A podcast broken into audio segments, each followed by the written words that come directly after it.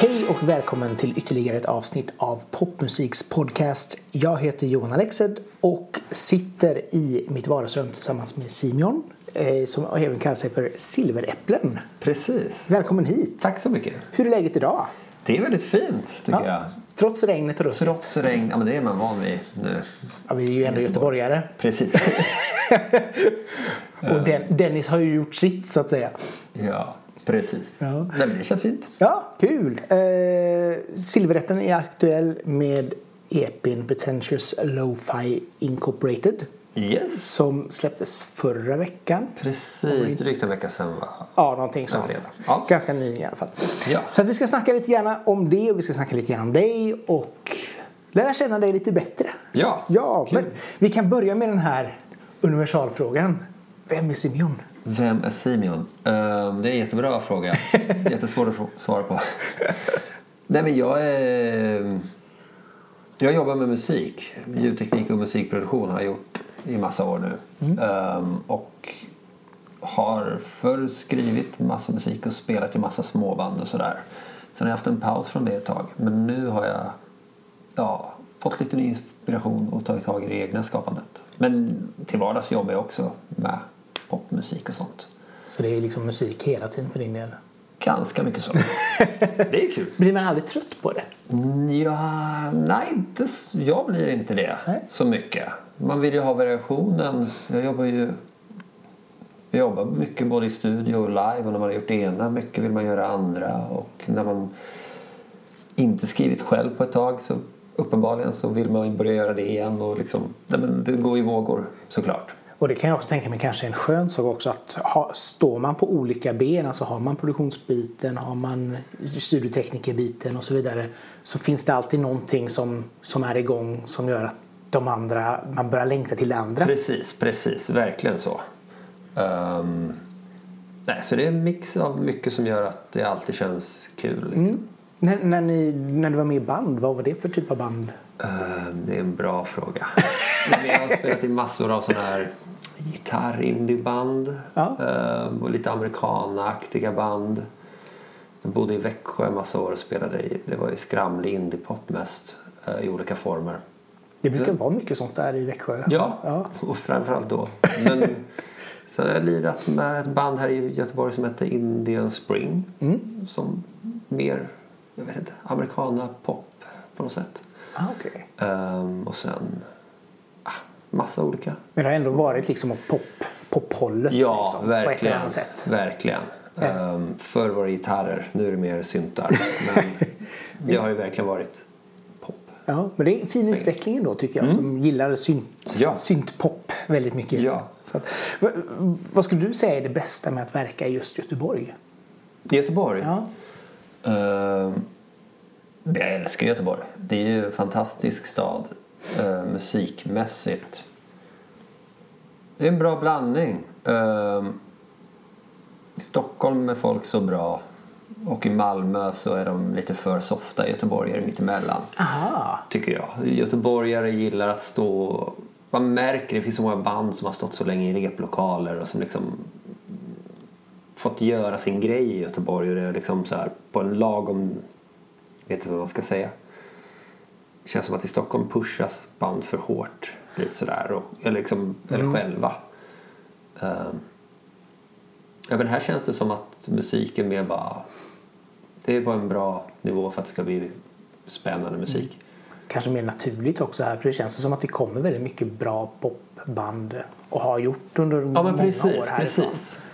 Och de har ändå formats efter, visst man snackar om Göteborgssoundet och man snackar om det här Håkan-soundet Ja. liksom. Men, men det är ändå någonting i stan som, som känns som att den, den föder fram Ja bra musik.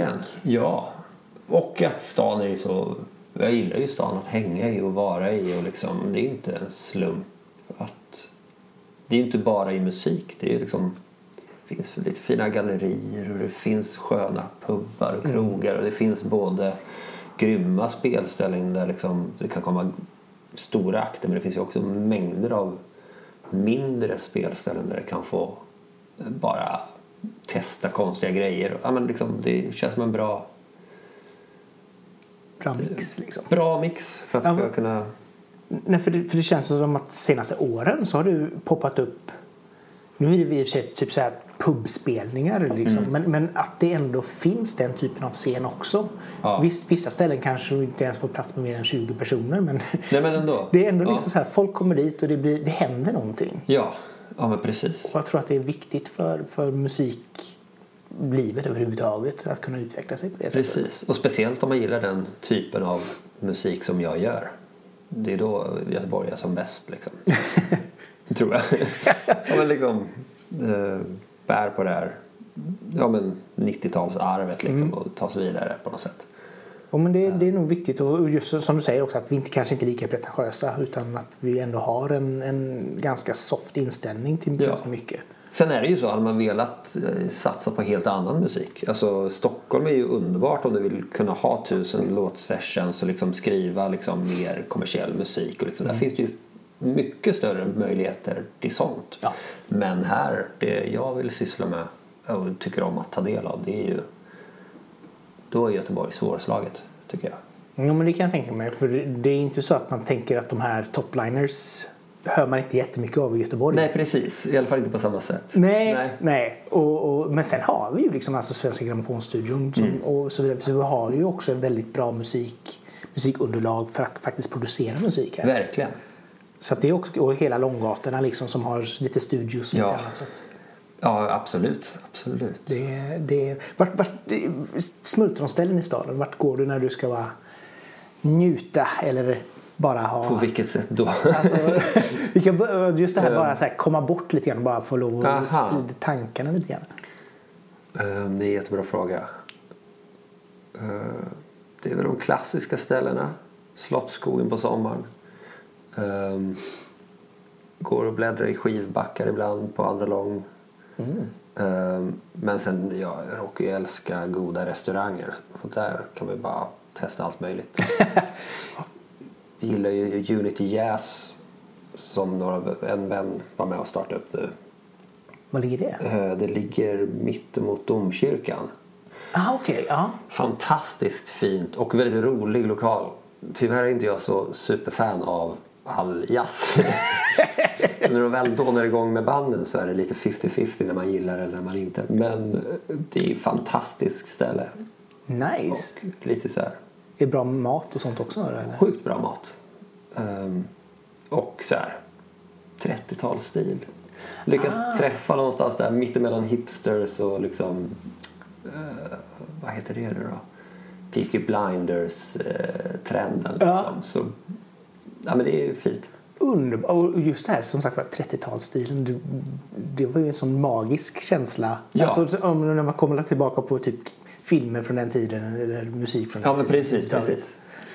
Alltså det, sådana ställen finns det ju många av men det är en favorit. Nice, det får vi kolla in. Det Mm. känns ju som ett sånt ställe som kan vara spännande. Och, och speciellt också för mig som inte heller är någon sån här jättefan av jazz. Nej.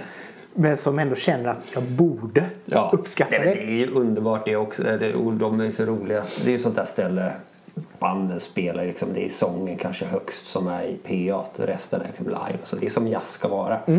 Det är bara att det blir ju ganska stark volym när man inte Ja, man kan inte alltid bara gå dit för att äta mat. Nej men det är grymt. Nice. Va, lite grann bakgrund. Väx, du sa att du var i, bodde i Växjö. Växjö, Är precis, du ja. därifrån eller? Nej, från början är jag från Arboga. Ja, Tonåren i Västerås. Sen flyttade väster, nej, till Växjö. ja okej. Men sen har jag bott nu i tio år i Göteborg. Ja, okej. Ungefär. Ja, tio år blir. Ja, så du började på öst, östra delen och sen... Precis, tog en sväng om. Ehm, och här trivs vi ju otroligt bra. Mm. Ehm, så det känns kul. Ja, men då har du hittat rätt med andra ord. Ja, det tycker jag. Hur kom ni in på det här med, med ljudteknikerbiten? Ehm, men det var... Det började ju redan när man hade sina första band. När man spelade in att man var intresserad av att... Ja, det började med att man ville göra sina egna inspelningar bättre. Jag höll på i studiefrämjandet uppe i Västerås. Man, man kunde få man fick liksom studion över helgen. Fick en introduktion och sen skulle man liksom sköta det själv och så kom de tillbaka och mixa låtarna med en. Ja, okej. Men det var ett bra sätt bara, bara att få fatta vad man gjorde som musiker men också där växte mitt intresse liksom. Så sen blev jag mer och mer engagerad i den biten.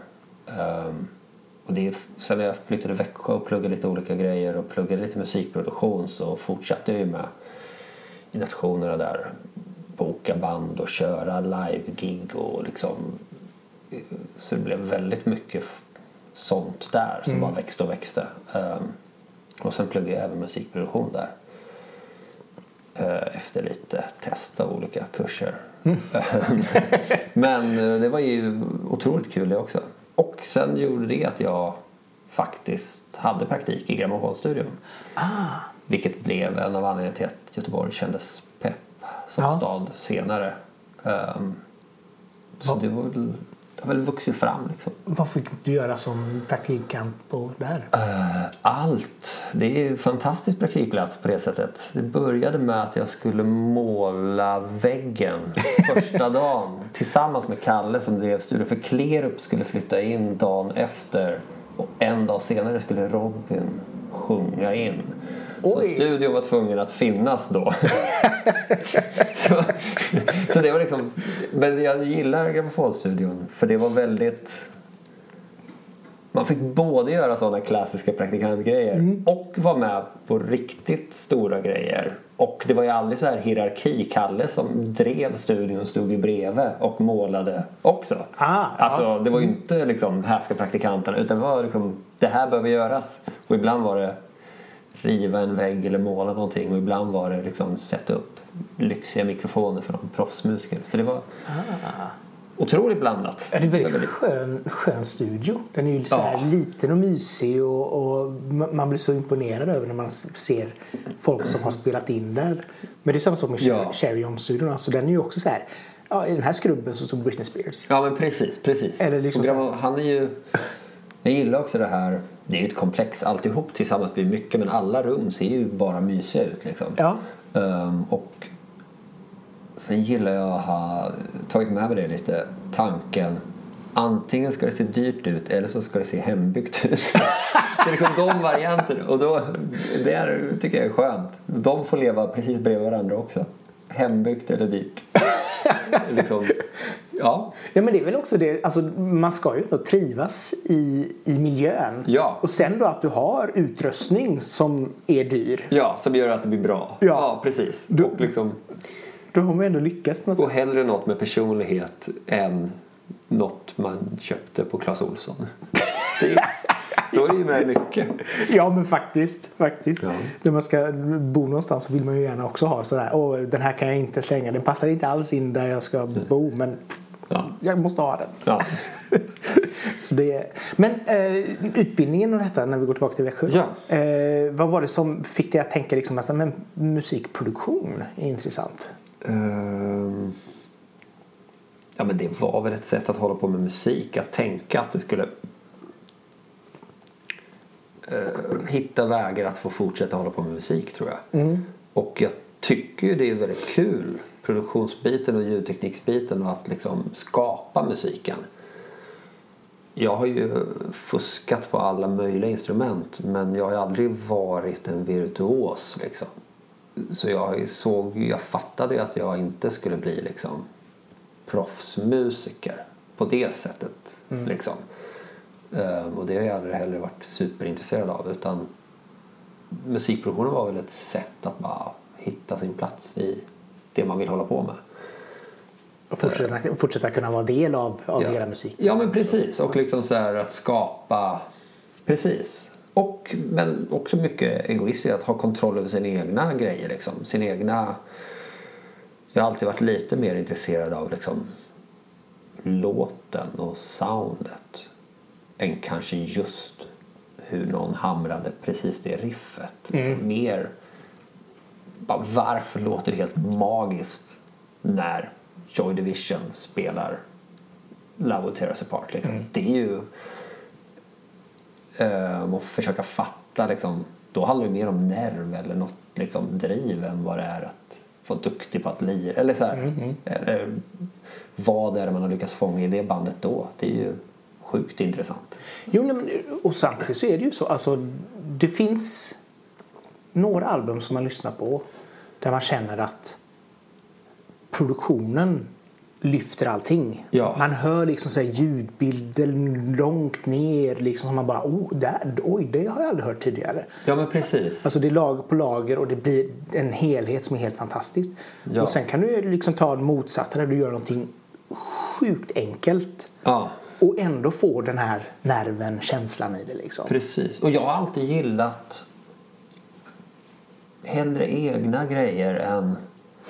Alltså antingen när det är hur bra som helst då blir det också avslöjande och måste vara så otroligt bra liksom. Och det kan jag verkligen älska men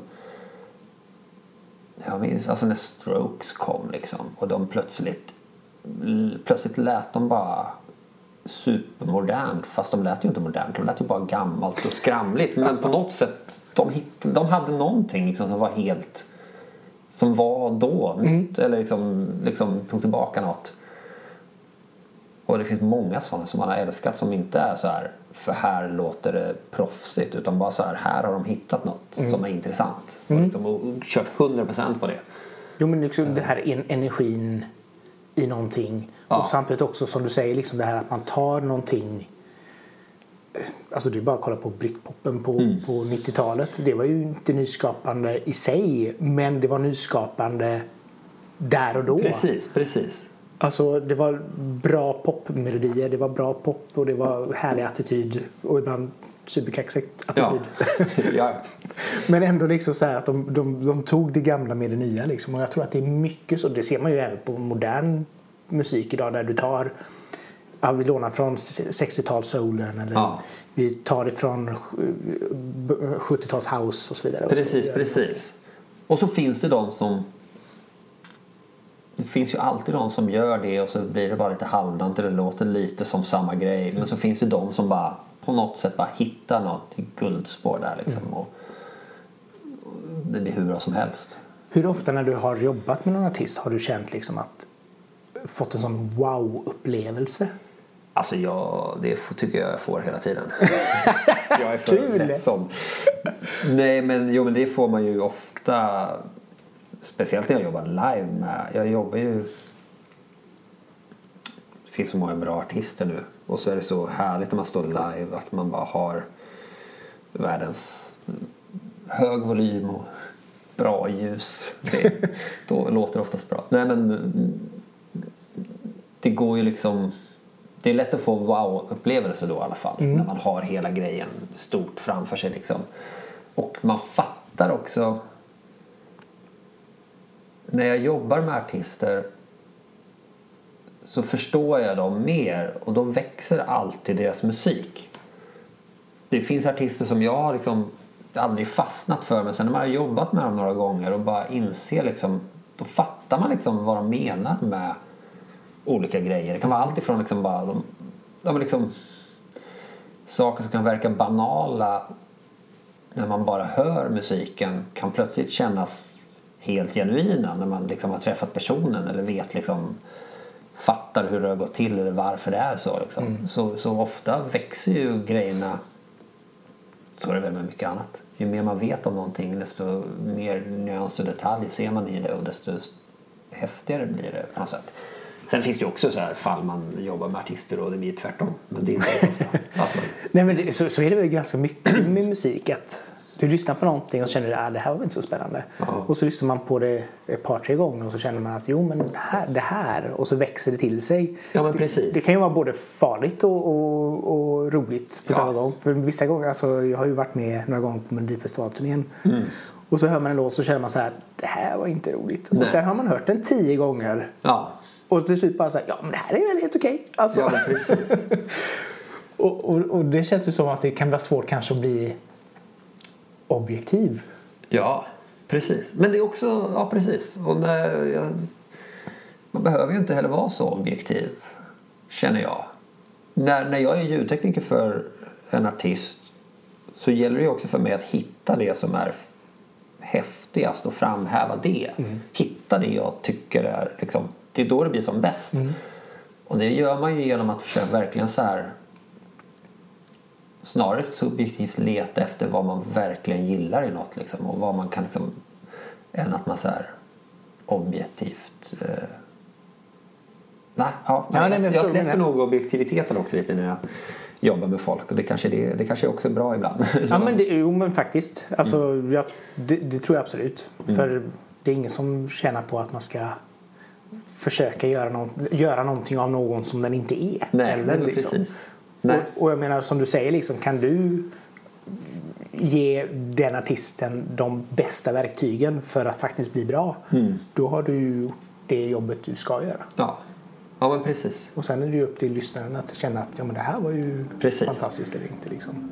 Säger du att jag inte gör några konstiga och för mycket grejer och tar mig friheter? För jag, ibland är ju lyssnarna vill ju inte alltid ha samma sak som jag. Så, så man, måste ju, man måste ju förstå sin plats också. Men Ja. lite sådär i alla fall.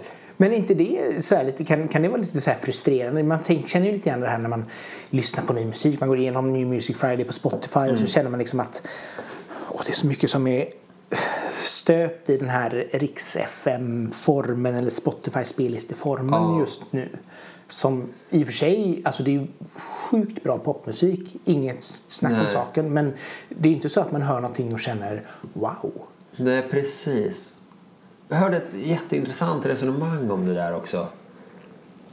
Ehm, Det här vet jag inte hur mycket som stämmer. Men jag har, som jag, som jag hörde det i alla fall.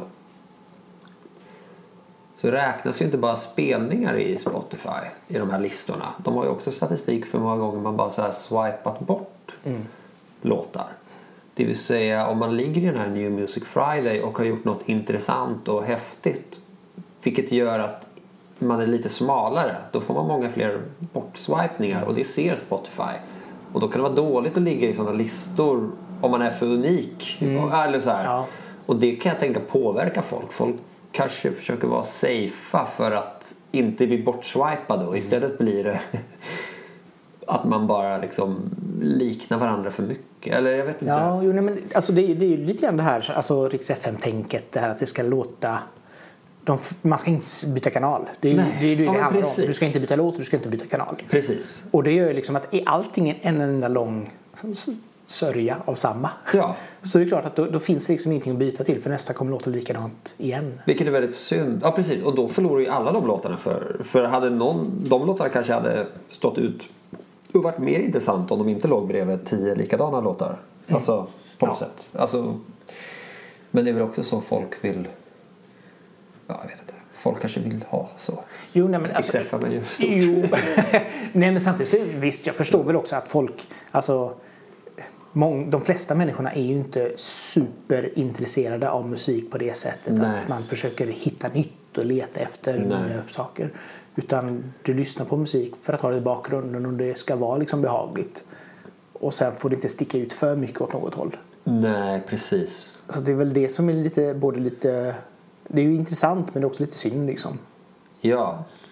Så, Ehm. Ja men precis. Ja. är det, när, när, du, när du producerar en låt, tänker du också väldigt mycket med, med, med eh, ljudteknikerhatten? Liksom, att gör det så här så blir det bättre när, i nästa steg. Liksom, när man ska. Ehm, ja, det, jo, det där finns alltid med såklart. Inte att jag tänker det, men att det, har ju, det, har ju, det sker ganska mycket automatiskt.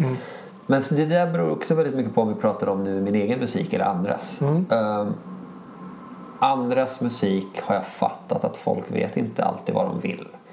Så där vet jag att jag måste göra safea val hela vägen. Lite åt det hållet de vill. Det finns så många som har kommit och bara jag vill att trummorna ska låta 60-tal.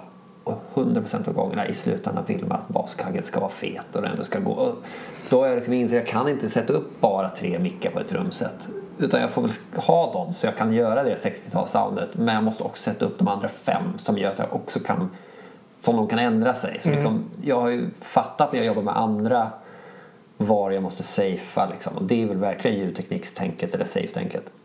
När jag gör mina egna grejer då är det raka motsatsen. Då är det mer det är såklart ljudtekniksbiten finns i bakhuvudet men där är det mer testa kul grejer liksom. Göra en hel låt på en och samma synt liksom. Mm. Hela grunden i alla fall och se vart det tar låten.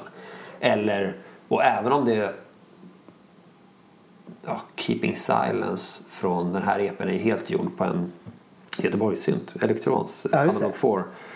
Eller väldigt mycket gjort i den. Ehm, och den gjorde ju hela grunden på den. Och sen sitter man liksom så här ett halvår senare när allt ska slutföras och inser att hade jag bara lagt om trummorna nu hade den här kunnat låta dubbelt så bra inom situationstecken. Men då tappar man också hela konceptet med den låten. Att så här, den är ju skapad på det sättet och det är också det som gör den unik. Liksom. Och så får man trixa mycket. Men jag har försökt hålla det så liksom, när jag har haft koncept. Mer låtit saker flöda liksom. Och låtit liksom saker bli och och bli något kul eller testa grejer. Är, Ehm, är det viktigt att sätta in liksom en ram för hur du vill ha det? Liksom så här, ja, när jag ska göra den här låten så ska jag använda de här sakerna. Eller jag ska tänka i de här. Ja, det blir oftast automatiskt någon sån grej. Men det är nog vik- viktigast är nog att tänka att ramen inte får vara för stor. Jag brukar inte vilja stänga in mig. Men, men liksom, den låten bygger jättemycket på den. Ja. Då ska man liksom vara lite true till det tänket i alla fall. Sen slutar det ändå med att man lägger på någon synt här och någon grej där. Men, men eh, eh, det är nog viktigt för mina låtar att jag inte varje låt har testat varenda synt i studion. Utan liksom så här att jag litar på intuitionen. Den låten Love Would Tear Us Apart, då hade jag en synt hemma för att en annan synt som jag hade tagit hem satt vid köksbordet en kväll för att den, den skulle lagas. Jag höll på att skicka mail med någon. som Liksom. Den gjorde ju hela låten bara på den synten den kvällen i stort sett. Och sen kanske bytte ut någon liten melodi och sen har det lagt saxofon och trummor och sånt. Men alltså men det är också så här, den blev ju vad den blev för att jag hade bara den där. Och då hittade jag varje ljud i den. Sen kunde jag byta ut något om något inte lät jag tror att det var någon basgrej jag kan ha bytt ut om jag kommer ihåg rätt. Ja. Men, men, men just sån där man hade kunnat också bara ta låten till studio och tänka hur gör jag den här perfekt? Men då hade jag tappat hela konceptet med mitt projekt. Ja. Att så här, nej nu gjorde jag det här och det kändes ju jäkligt bra just då så det är nog det. Du kan putsa på det men jag ska inte liksom börja om.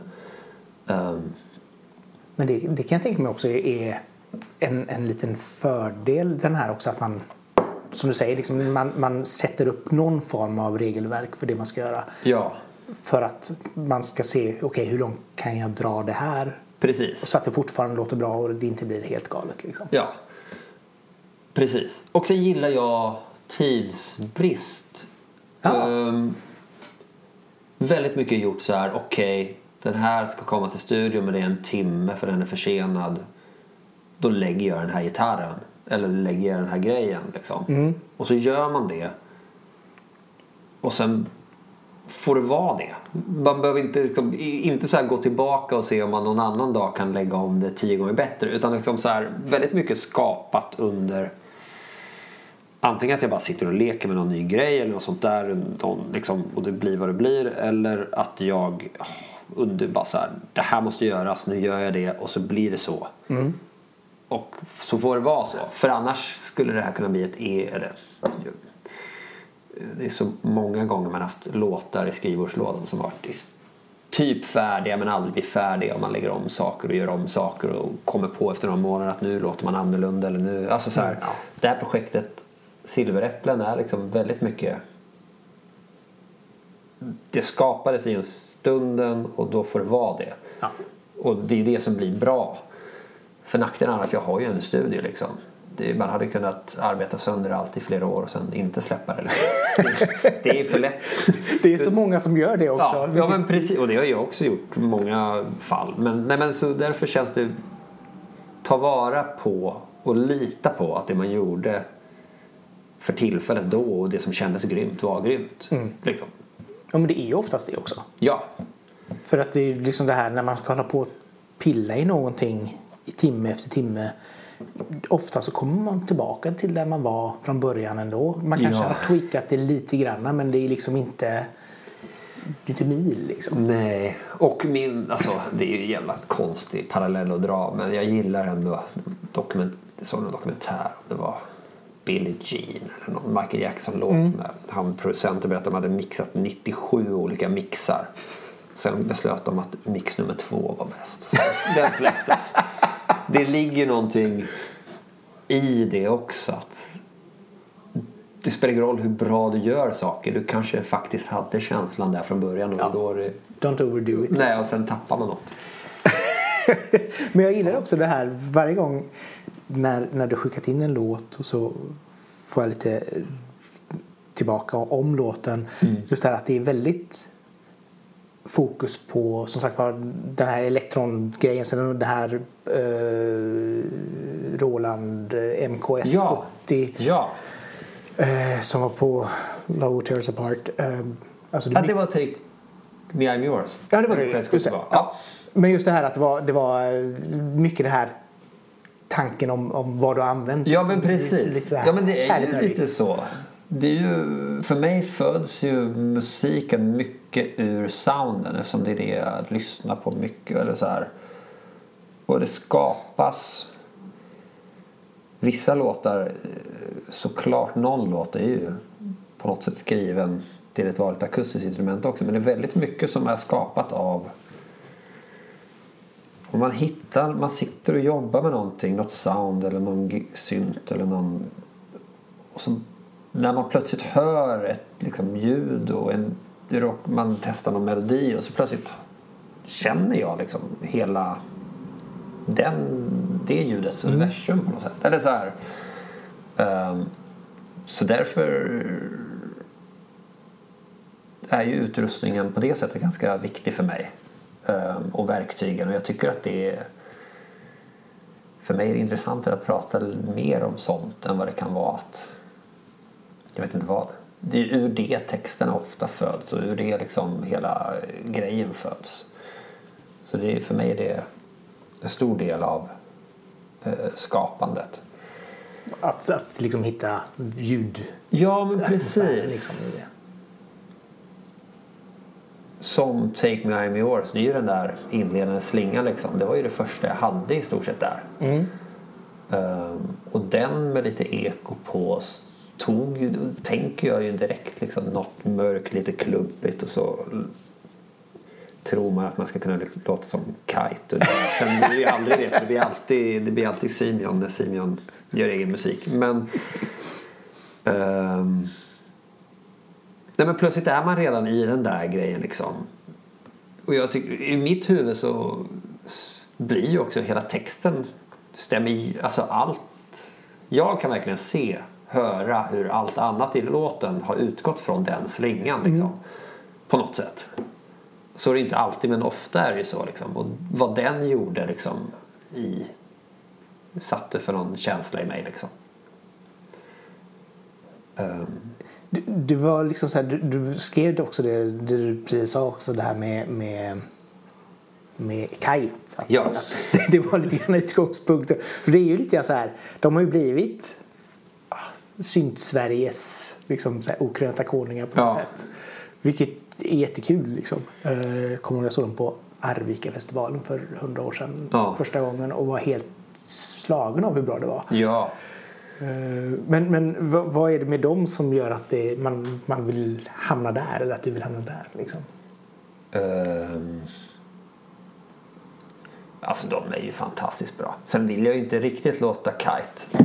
Jag hade gärna låtit Kite. Men, men, men de, är ju, de har ju... Det jag gillar med Kite tror jag är att det finns ett mörker hela tiden i hela ljudbilden.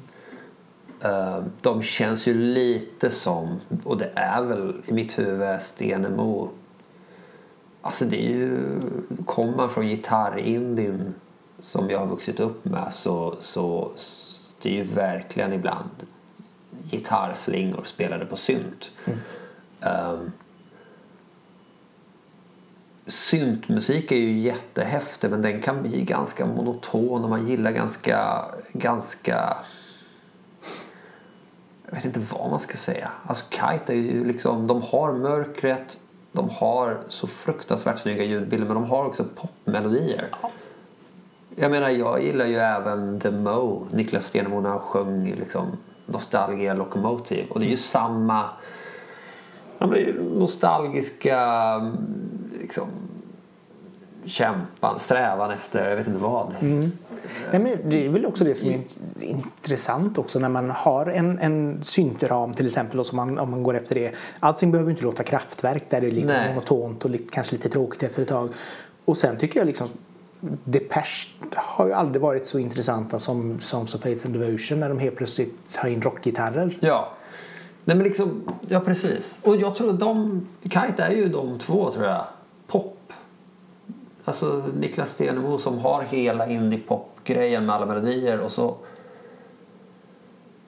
Christian, hoppas jag inte säger fel nu. Christian måste han heta, Christian Berg. Ehm, som liksom så här har mörkret och alla de här coola drone-projekten han har vid sidan. Alltså så här, och den kombinationen när det gifter sig blir ju otroligt bra, tycker jag. Ehm, så nej men det är otroligt bra kombination på något sätt. Ja, nej, det är... Så det är väl det. Men Sen har de ju också Hans som har mixat och mastrat senaste EP'na som gör ett så otroligt bra jobb just borta i grammofonstudion. Som gör att det låter ju otroligt. Det är ju, det är ju bland det bästa jag vet ljudmässigt. kul. Ja. Ja, nej, men det är, det är få, få svenska band som är som Kate kan man ju lätt, lätt säga. Ja. Man förstår varför, varför Strage är helt till sig. Precis. Eh, hur, hur föddes idén till att göra en EP? Eh, nu liksom. Det är en jättebra fråga. Nej, men det var nog...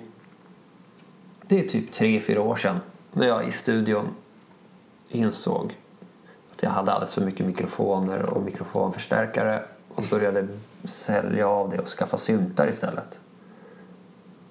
Ehm, samtidigt som jag höll på att spela in något band som använde ett program som heter Ableton. Där man gör låtar på ett annat sätt. Liksom. Man startar massa olika loopar och har sig och då satte jag mig in i det. Och så plötsligt så gjorde allt det där gjorde liksom det gjorde och sen det gjorde liksom att jag började hitta nya grejer som kändes intressanta. Jag har liksom blivit sämre och sämre gitarrist i tio år eftersom jag inte spelar. Och sen plötsligt har jag ett instrument som jag blir bättre och bättre på eftersom jag började ganska dåligt. och det blir ju nytändning liksom sådär. Um, och sen var det också så jag Ja, men för tio år sedan drygt så då spelade jag i massa olika småband. Liksom. Jag hade tusen olika projekt hela tiden. Och sen rann det över i att plötsligt hade man kanske fyra band som gjorde en spelning per år. Och så spelade jag bas med någon och gitarr med någon och tyckte inte jag kunde något av varje gång man skulle ha en spelning fick man först lära sig instrumentet och sen fick man repa flera helger och sen bara insåg jag att inget blir så mycket men det tar så mycket tid. Så det blev också en sån effekt att när jag plötsligt bestämde mig för att men jag hoppar av allt det här för jag har till mycket kvällar jag är borta och jobbar som tekniker liksom. Och det ger mig också mycket kreativt. Så det blev liksom en effekt också när jag hoppade av alla projekt som inte var så mycket längre. Plötsligt hade, började jag skriva låtar själv igen. Och så plötsligt ihop med det här med att syntarna dök upp och liksom så här, så Många grejer gjorde att jag plötsligt bara insåg att nu sitter jag och gör ny musik som känns rolig. Och, alltså, eh, och plötsligt hade jag liksom... Sen var det väl kanske två år sedan att jag insåg att så här, nu gör jag ju faktiskt låtar på riktigt. De blir ganska bra och de börjar likna en enhetlig grej. Liksom. Och det var väl där jag började göra av den musiken som nu har blivit det här. Liksom. Vad, vad, vad f- namnet Silveräpplen? Silveräpplen. Ehm, det finns väldigt få som heter Simeon. Ja. Det finns en i musikhistorien som hette Simeon som hade ett pionjär, syntpionjärer från 60-talet som hette Silver Apples. Aha! Sen, sen har han kallat sig Simeon Silver Apples ett tag. Och jag får så många frågor som du undrar. Är det fin? Eller ja men Simeon. I och för sig det var mitt efterhand du undrade om det finns. Men Simeon i alla fall. Folk frågar alltid om det är gammalt eller om jag är fransk eller från Bulgarien. Eller. Men en gång, jag mötte Christopher Berg i Grammofonstudion så han frågade Är du döpt efter Silver Apples? Då tänkte jag det här är första roliga parallellen någon har sagt om mitt namn.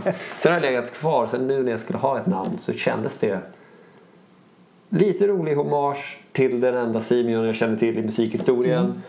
Och så det, tycker jag om namn som är fina namn. Mm. Det känns som ett nutida... Silveräppeln? Ja. ja. Ja, jag, gillar, jag gillar namnet. Och det finns en liten sån där twist. Att ändå fanns någon slags syntpionjärs Mm, ja, snubbe som hette Simeon. Säkert har fått lika många frågor om namnet som jag. Ja. Mycket av musiken byggde på samarbeten. Ja, Eh, var det viktigt för att få till allting? ja det tycker jag. För jag, som sagt, är ingen virtuos. Eh, i- eller viktigt och viktigt. Jo, men det, det är det som har gjort att det varit ett roligt projekt. Men jag har gjort hela grunderna. Jag har gjort liksom, oftast har jag gjort hela låtar liksom. Nästan färdiga. Men, och kan göra liksom alla slingor och allt väldigt fint. Men jag är inte den som drar av solon så snyggt. Eller liksom, hade jag släppt EPn utan ehm, samarbeten så hade det kanske varit mer monotont. Känner jag. Liksom, och det var också det som var roligt med att inte vara i ett band utan nu är jag själv. Det vill säga nu kan blanda in ännu fler människor. ja, men det kan göra vad som helst. Ja, Love ja. Tear Us Apart kände jag bara alltså, om Joel spelar saxofon på det här det kommer bli magiskt. Och, ehm, och eh, eller som ehm, och känna att liksom, den här låten skulle behöva ett riktigt bra syntsolo och den här låten behöver en... Ja, men, och så har jag verkligen gått efter vem jag tror skulle passa den låten med vilket instrument och sen har jag gett den personen ganska mycket friheter. Liksom. Och det har också gjort att de har fått olika personlighet lite. Sen tycker jag, jag tycker ju fortfarande inte, jag sjunger ju inte fantastiskt så det är alltid kul att blanda in, ofta är det ju eh, tjejröster som kompletterar liksom för att det blir mer intressant tycker jag. Eh, att blanda, ibland är det också några killar men det är väldigt roligt att vara flera som sjunger. Även om jag Hela projektet bygger ju på att jag ska sjunga mina texter också lite. Så jag vill inte bara byta ut min röst. Men det är väldigt roligt att leka med andras röster för att liksom se vad som händer med rösten då. Ja, men alltså, det är som du säger, det blir ju ändå någon form av dynamik. Ja, en men låt. precis. Om det händer något mer eller kommer in en till röst. Liksom. Precis. Eh, så att, men har det här varit artister och personer som du själv har samarbetat med tidigare och hjälpt kanske? Eller har det varit... Ja, det är bara vänner. Eller eh, folk jag jobbat med mycket. Eh, Det är bara dem jag vågar fråga. När jag väl vågar fråga dem. Det måste man. Men, men, jo men det är det ju. Ehm, Jag har turnerat mycket med Sir Woss som, eller många små svängar i alla fall. Som Joel Westbergs egna projekt heter. Och det är ju han, därför lätt att fråga honom jag vet ju precis också då vad han är för musiker och vad han liksom vad jag tror att han ska tillföra. Sådär. Det är ju jättelätt att fråga en sån person om han vill spela saxofon på en låt.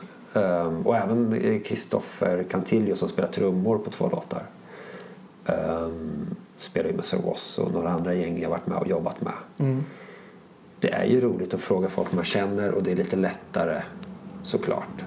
Ehm, Det blir väl också den här lite familjära känslan när man gör Ja. en sån grej också. Att man vet, skulle du släppa EP nummer två så skulle man säkert se samma namn igen Ja, men precis. i utvecklade Ja, samarbeten. Liksom. Precis. Och så är det ju lite... ehm, man känner ju så fruktansvärt mycket bra människor. Alltså ju, på alla nivåer. Ehm, Johannes som nu har ett band som heter Skybar men han- det var ju han som var frontfiguren i Indian Spring jag spelade med men han har också varit basist i mitt gamla projekt för massa, massa år sedan. Um, han är ju helt fantastiskt bra. Um, och det är ju jag vet ju att om jag blandar in honom, nu blev det bara en låt på den här EPn. Men vi gjorde någon mer låt som man får se om det kan bli något av i framtiden. Mm. Men man har ju många sådana vänner också som kanske inte är något stort namn men som man vet sjunger fantastiskt, alltid har bra idéer om melodier, alltid liksom tillför något där. Han har ju liksom också där hängt på svartklubbar och lyssnat på house tusen gånger så att låta honom spela trummaskin gör ju att det blir något annat än vad jag skulle göra. Eller Anneli som är med och sjunger på två låtar men hon har också varit bollplank med flera låtar. Så här bara klipp ner den refrängen, klipp bort det där. Det här är bra, sluta ska, ja, men så här, Ja, ja. Sådana Bra. grejer. Som, hon är ju också på ett sätt är hon ju superrutinerad. Hon har ju spelat med tusen projekt och lever ju som frilansande musiker och som producent och allt möjligt. Men på ett sätt är hon ju inte det liksom ett jättenamn i musik-Sverige. Men det tyckte inte jag spelar någon roll utan det är en person som jag vet kommer så här man har så många personer man känner till som man vet är bra och kan tillföra så mycket till musiken och det är det som är det är det som varit intressant liksom. Jag tror nog också det är det som är viktigt att lyfta fram personer. Alltså namnet är inte det viktigaste utan det är ju vad personen kan tillföra Ja men precis. i alla fall. Liksom. Eh, För jag tror inte att man sitter och tänker på att åh det här var inte Darin som sjöng på det här. Nej. Utan, Nej men precis. utan att man tänker ju på det man får och Ja, det har ju uppenbarligen blivit bra. Liksom. Ja, och dessutom, sen har jag, det är ju kanske lite ka- det beror på hur man ser det. Men liksom jag också, jag tycker trummisar låter helt olika allihopa. Um, det tillför så otroligt mycket vem det är som spelar saker. Därför har jag också så här, på en låt är det en person som spelar percussion så på en annan låt är det en annan och på någon låt är det Kristoffer. Ja, men liksom, och det har jag det bidrar så mycket till svänget och därför har jag tyckt det var kul att ta in den jag tycker passar för låten. Ehm, och tycker det är roligare att blanda in många olika. Sen kan man ju tycka att det är konstigt sätt att jobba. Att så här, varför får inte samma spela på allting? och det hade ju kunnat bli också. Men det, jag vet inte. Fast det, handlar Det- också, det är väl också lite grann så här dagens grej att en låt är en låt. Ja, Det ja men behöver- precis. Det behöver liksom inte vara att alla låtar ska gå i samma form. Nej men precis. Och jag känner också så här att alla låtar har så mycket mig i sig. Alltså jag har ju spelat 95% av grejerna. Mm. Så där har man det som gör att det låter likadant. och så får man hitta sätt att få det att låta olika. Ja, jo, lite, sådär. jo. Men det blir ju ändå en stor variation på Ja. liksom, på, på låtarna. Så det Ja, är ju det inte... har det blivit såklart. Ja. Jag tycker också det är så roligt med Tramps of Göteborg. Vilken är, vilken är din spårvagn? Min spårvagn, eh, sjuan eller elvan eh, åker jag ju till Bellevue. Ah, Så det eller sexan också i och för sig, men sjuan och elvan. Det, är, det är så roligt när man ser den här. För det var en annan som hade gjort en låt som heter mm. Gbg.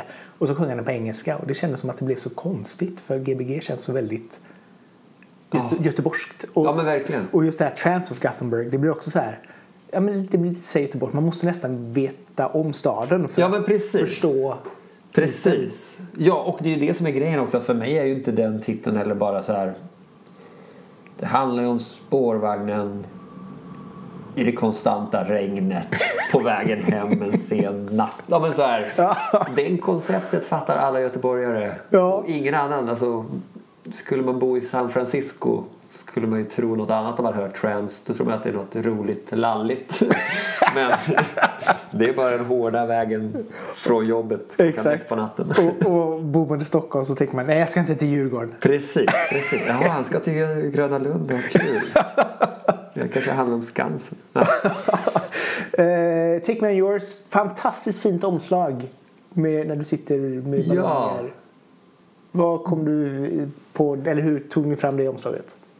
Alltså mina omslag är gamla mobilbilder. Nej vad roligt! Ja, det jag. Det är... Jag var i Polen på en turné som ljudtekniker. När artisten plötsligt inser att vid tolvslaget fyller Simeon år. Och från ingenstans lyckas arrangören plötsligt dyka upp med de här fantastiska ballongerna. Ja. Och så har man liksom så här...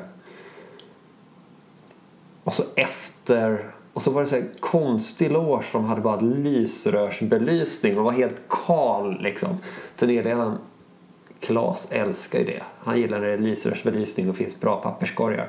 Men alla andra gillar ju när man har det mysigt. Men det, det fanns något väldigt vackert i att så här, efter ett långt jobb, det har gått bra, det var kul och så bara plötsligt har man de här Nalle Puh-ballongerna och sitter liksom fast i resterna av liksom ett dygn av sportdrycker och vatten och alkohol och allt möjligt som står på bordet som bara är liksom så det är ju, det är ju det är bara en va- verklig situation. Ja, De tog ja. en bra bild som jag... Eh, Förevigade på precis. Eh, Rosa-rummet till epen då? Var det, det känns som att det är någon utställning eller något. Ja, det får jag nog kanske inte prata för mycket om. jag har inte kollat några rättigheter eller så. Det är ju spegelrum från en teaterföreställning. Ah, okej. eh, som eh, innan det revs tog jag en bild. Eh, men den är fantastisk. Det var på Backateatern. Jag vet inte vad konstnären heter. Nej, Eh, och jag vet inte om jag har brutit mot det märker vi. Men det är också en sån där sitta och leta i mobilen. Det är så jag gillar. Det kanske det är lite som med musiken. Jag sitter och bara så här. Något som har tagits i stunden och så blir väldigt fint. Och, liksom, och så kopplar man ihop det med något annat. Jag har så svårt för tanken att så här gå ut. Nu ska vi ta bilder. Då känns allt så konstlat. Jag är imponerad av alla artister som kan göra det. Men för mig skulle all, alla de här bilderna hade ju fallit bort om jag hade stått där och tänkt nu ska jag ta det här. Nej, nej. Utan det var stunden liksom, där och då. Och Ja, precis. Och liksom, Fram med mobilen. ja, och så fatt, har man ju i efterhand förstått vad som har blivit fina bilder liksom. Och vad som blir rätt känsla. Och så gillar jag också att det är spegelbilden är i och för sig ganska snygg men annars så är det ju lite så här eh, jag älskar de bilderna. De är jättevackra men de är ju, de är ju också skeva och suddiga och liksom man sitter trött i någon den första Lauterse Party är från en turnébuss liksom. Man sitter ju efter att knappt ha sovit och går upp tidigt och liksom Och sen har du den här härliga pressbilden när du sitter med en get. Ja, Slottsskogen. Ja. Det är ju dessutom en selfie verkligen. Det är ju, det var ju, jag var ju där i somras måste det ha varit. Så otroligt rolig.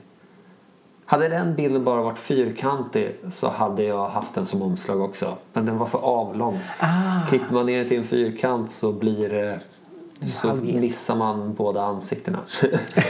Jag hade, har någon bild av att jag vill att bilden ska vara hela omslaget. Liksom. Så, eh, men den var ju jätteunderbar. Men det är också så här man tar en fin bild.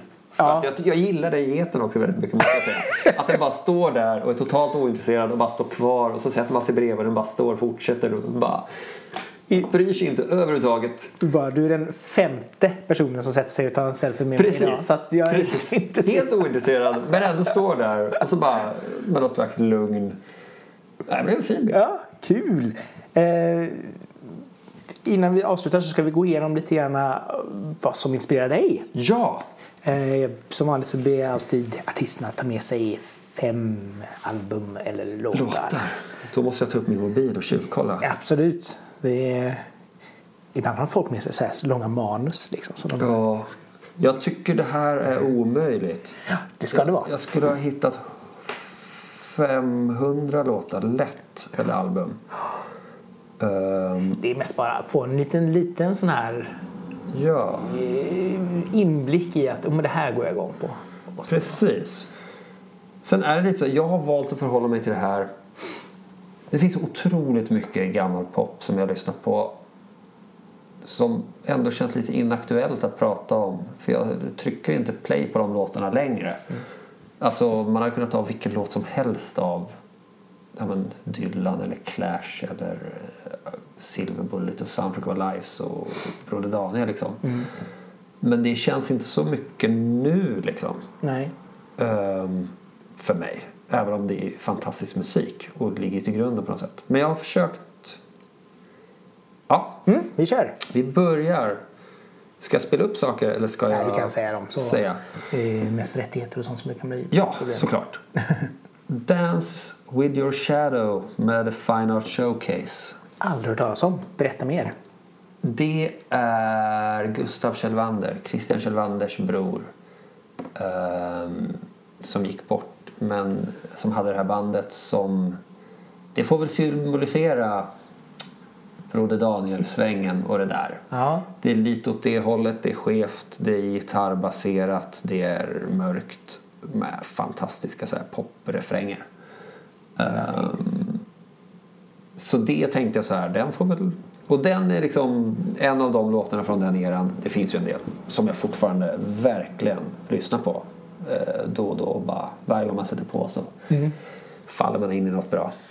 Så förstår man sig ofta också det här att man, man kommer på att fan vad bra det här är. Alltså när man har en sån låt. Ja, men verkligen. Verkligen. Ehm, och det finns något. Det finns någon nerv i den där musiken. Ehm, från den eran, verkligen. Absolut.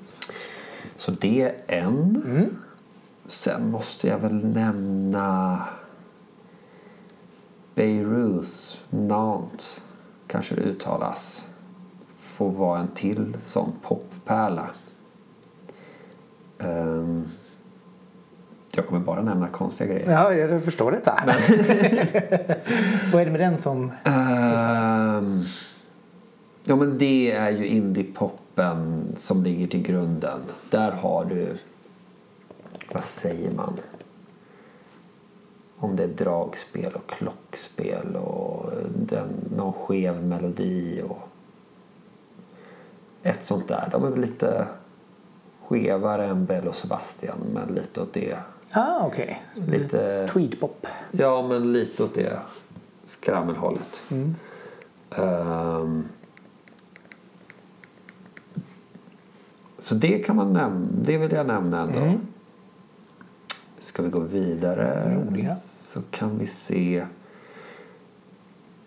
Ehm, en göteborgare som jag lyssnar väldigt mycket på nu. Nu nämner jag Tystnaden med Cassia Klein. Men det är ju Maja Gödikes projekt. Ah, ja, ja. Um, jäklar vad fint det är. Eh, Jag är svag för hennes musik och för sån musik som bara är... Det är så vackra texter. Det är så fina popmelodier och det är så okonstlat på något sätt. Hon får väl... Och det är, det även där hade man kunnat nämna tio andra Göteborgsartister. De får väl representera. Men liksom den här klassisk popmusik. Ja. Fast, fast... Ja, Mys. Eh, Den är fantastisk. Sen måste jag ju nämna Kite då. Ja. Då säger vi Way to da- Ways to Dance. Mm. Det var... Alltså det fanns ju de som lyssnade på Love Will Tear Us Apart och sen direkt efter gick jag över till New Order. Jag fastnade liksom inte för New Order. Så Nej. jag fortsatte lyssna på Love Will Tear, Us, Will Tear Us Apart och sån musik tills... Det var väl när Kite kom där som man började bara just ja, synt kan vara så jäkla fett. Ehm, och den är ju också otroligt snäll poplåt. Men med, det var där det började lite. Man ehm, började det intresse för den musiken. Och sen har man vuxit in i mer syntig syntmusik. Och de har också gjort det. Liksom. Ja. Men det, så den låten får väl vara startskottet. ehm, till den nya, liksom, när jag lämnade garagebiten. Ja, Liksom, ja. Hittade in i 10-talet kanske. Även om det här var precis innan 10-talet. Jo, men det är ändå det är ju gränsen där liksom. Ja. Sen är de, det var ju så roligt. Det, alltså, det har alltid varit ett band som jag alltid lyckas missa live. Då var det, redan då liksom, försökte jag se dem liksom, på så många små ställen. Till slut såg jag dem på någon bakgård i liksom, Växjö första gången. Men man har missat så många gig. Och det är fortfarande nu så är det så här. Det jag grämer mig för fortfarande så är bara att man inte såg den där konserten, vad heter det på Naturhistoriska? Där de har det här, eh, de gjorde ju konserter här. Där de Val, har eller val. bi, nej men de har, nej förlåt, i Stockholm. Ja, förlåt. Med bio med skärm runt hela publiken. Ja, just det. Ja. Alla fall, de fortfarande så här. Och nu har de gjort någon gigant-gig på Operan som har missat också i Stockholm. Men just det där, det har alltid varit det där bandet som jag lyckas missa vissa konserter med. Så, men de har, ja. Då har du något att se fram emot kanske snart igen. Ja. De lär väl komma till Göteborg. De har ju spelat i Göteborg ganska många gånger. Ja, alltså jag har ju sett dem några gånger också. Ja. Det är bara kul att de fortsätter vara intressanta och fortsätter vara något jag missar. Och sista. Sista låten. Inslaget. Det kommer vara en ganska ny låt. Ja. Det här får bli mer en rekommendation. Uh, Death Engine med I Break Horses. Ah, ja. Det var en sån där låt som man sätter på den och så hör man den så tar det två sekunder innan man bara fattar vad man har saknat i några år. Och liksom den, det finns några sådana låtar. Nu är det bara att den råkar vara i mitt huvud just nu. Men, men sådana här låtar som på något tidlöst sätt bara får ja, men den där känslan, lite samma känsla. Helt annan musik men lite samma känsla som jag tänker mig när jag håller på med silveräpplen liksom. Det mörka, skeva, det som man kommer in i en stämning, man, jag vet inte vad. Um, och fantastisk, helt fantastisk musik. Ehm, så det, den, just nu är den, och den, för mig sitter den ihop med mycket gammal musik jag lyssnar på. Men är den som jag lyssnar mest på just i detta nu. Så därför är det kul att nämna. Nice. Hur, hur, lyssnar du väldigt mycket på musik i överlag på dagarna? Eller? Ja, jättemycket. Eller ja, till och från. Men Ja. jo, men det gör jag. Och försöker vara... Jag lyssnar på väldigt mycket blandad musik. Uh, vilket är väldigt roligt.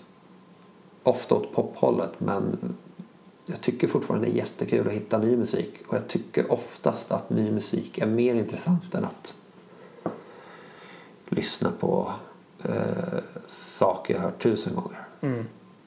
Sen är det såklart att man också lyssnar på allt gammalt också. Jo. Då och då så lyssnar man på Arclight med Silver Bullet eller London Calling-plattan tusen varv också. Men, men oftast är det ganska ny musik som något som greppar tag i. Liksom. Men det är det viktigt också när man ska producera att man liksom så här håller sig ajour. Liksom med, Det, gör, det är det ju. Men det, är också, det blir också naturligt.